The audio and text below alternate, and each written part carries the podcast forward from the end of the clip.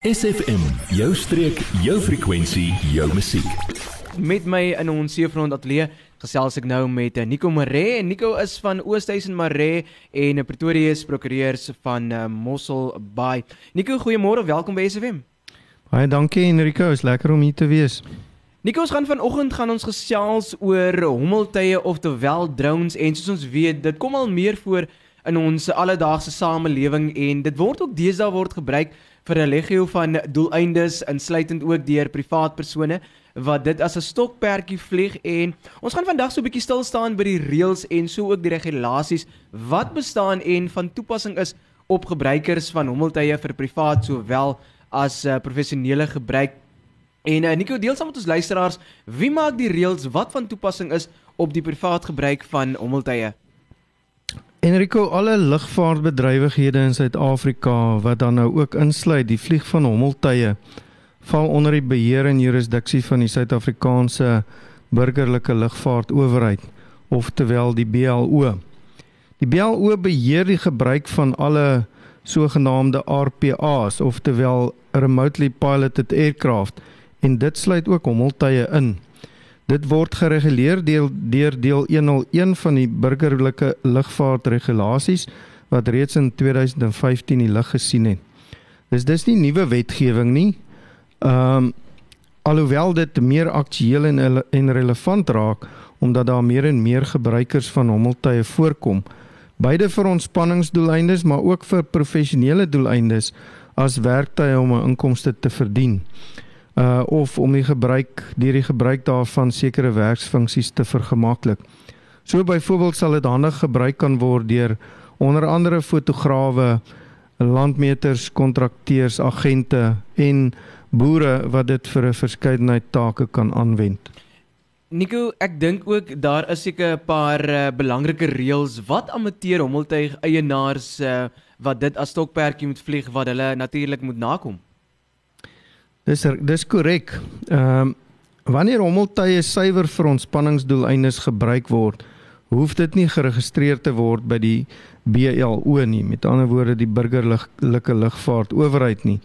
Maar nogtans is die reëls wat uitgevaardig is in deel 101 van die regulasies op sodanige gebruik van toepassing en dit moet te alle tye deur die hommeltuigoperateur nagekom word. Indien hy versuim om dit na te kom, stel hy homself bloot aan sanksies deur die burgerlike lugvaartowerheid, sowel as aan siviele eise deur enige persone wat benadeel word deur sodanige optrede. Nou in kort bepaal die reëls onder andere die volgende: dat 'n hommeltuig slegs vir privaat doeleindes gebruik mag word en nie vir enige kommersiële voordeel aangewend mag word nie. Ons sal later bietjie stil staan by uh wat die situasie is as iemand dit vir kommersiële doeleindes wil gebruik.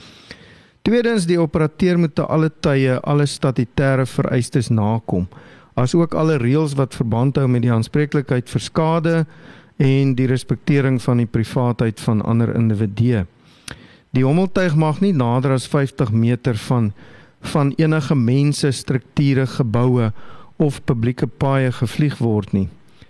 Dit mag ook nie oor private eiendom gevlieg word sonder die betrokke eienaar se toestemming nie. Verder mag dit nie nader as 10 km van 'n lughawe of 'n vliegveld gevlieg word nie en ook nie binne beheerde, beperkte of verbode lugruim nie. Vir 'n persoon om byvoorbeeld dan 'n drone in te span om bietjie te gaan kyk hoe lyk dit daar by Petro SA gaan definitief nie toelaatbaar wees nie.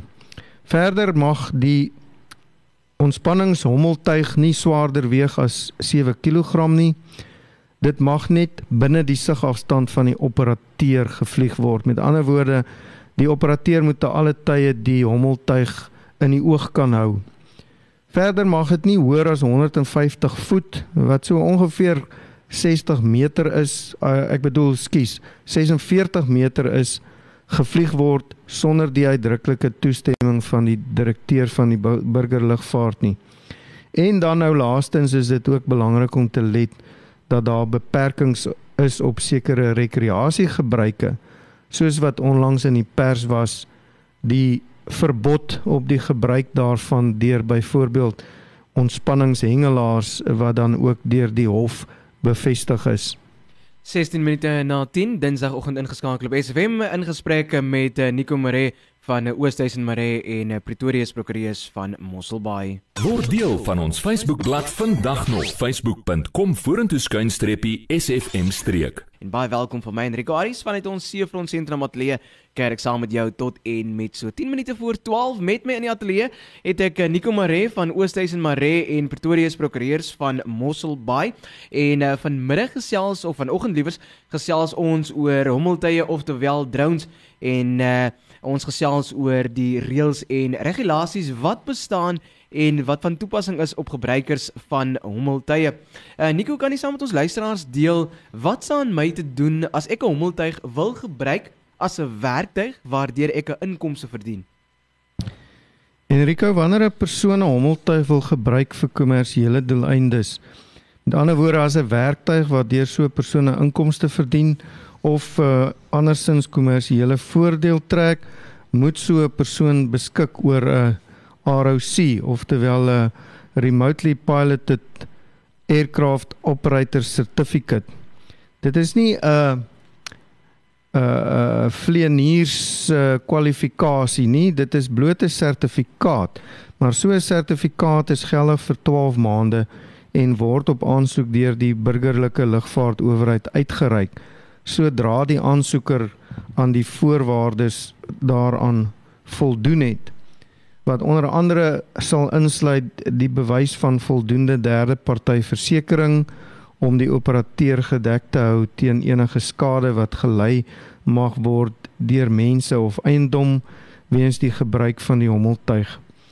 Uh sodanige gesertifiseerde persoon sal dan die hommeltuig kan gebruik vir werksdoeleindes met aansienlik minder beperkings uh as 'n man wat dit bloot vir ontspanningsdoeleindes gebruik wat dan nou insluit uh dinge soos om dit snags te kan gebruik om dit nader aan mense te mag gebruik by openbare geleenthede byvoorbeeld uh om fotos te neem by troues of sportgeleenthede af te neem uh of vir enige ander werksdoeleindes byvoorbeeld uh om die kartering van grond makliker te maak uh deur 'n oog die sogenaamde oog in die lug te hê.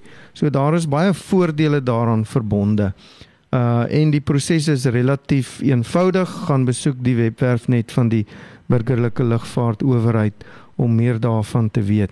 En daar is dan nou laastens ook mense wat hierdie tipe uh vliegtuie, onbemande vliegtuie gebruik vir 'n lewe en en dis dan nou mense wat uh inderdaad vlieglisensies kry vir hierdie uh hommeltuie, maar dit is meer goederes wat vir groot kommersiële doeleindes gebruik word en uh wat nie eintlik onder die vaandel van entrepreneurs val nie in gesprek met uh, Nico Maree van Oosthuizen Maree en uh, Pretoria se prokureurs van Mossel Bay.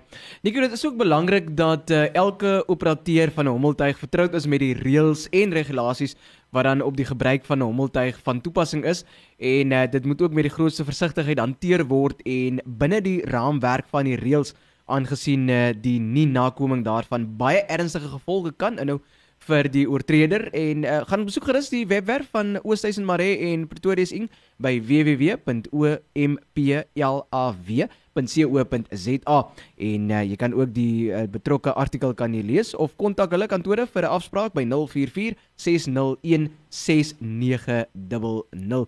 Nico, dankie vir die inligting wat jy saam met ons luisteraars kom deel het vanoggend en uh, dankie vir die inloer vanoggend in die ateljee. Dankie Enrico, lekker dag. Adverteer jou besigheid vandag nog op SFM. Vir meer inligting skakel SFM gerus by 044 801 7811.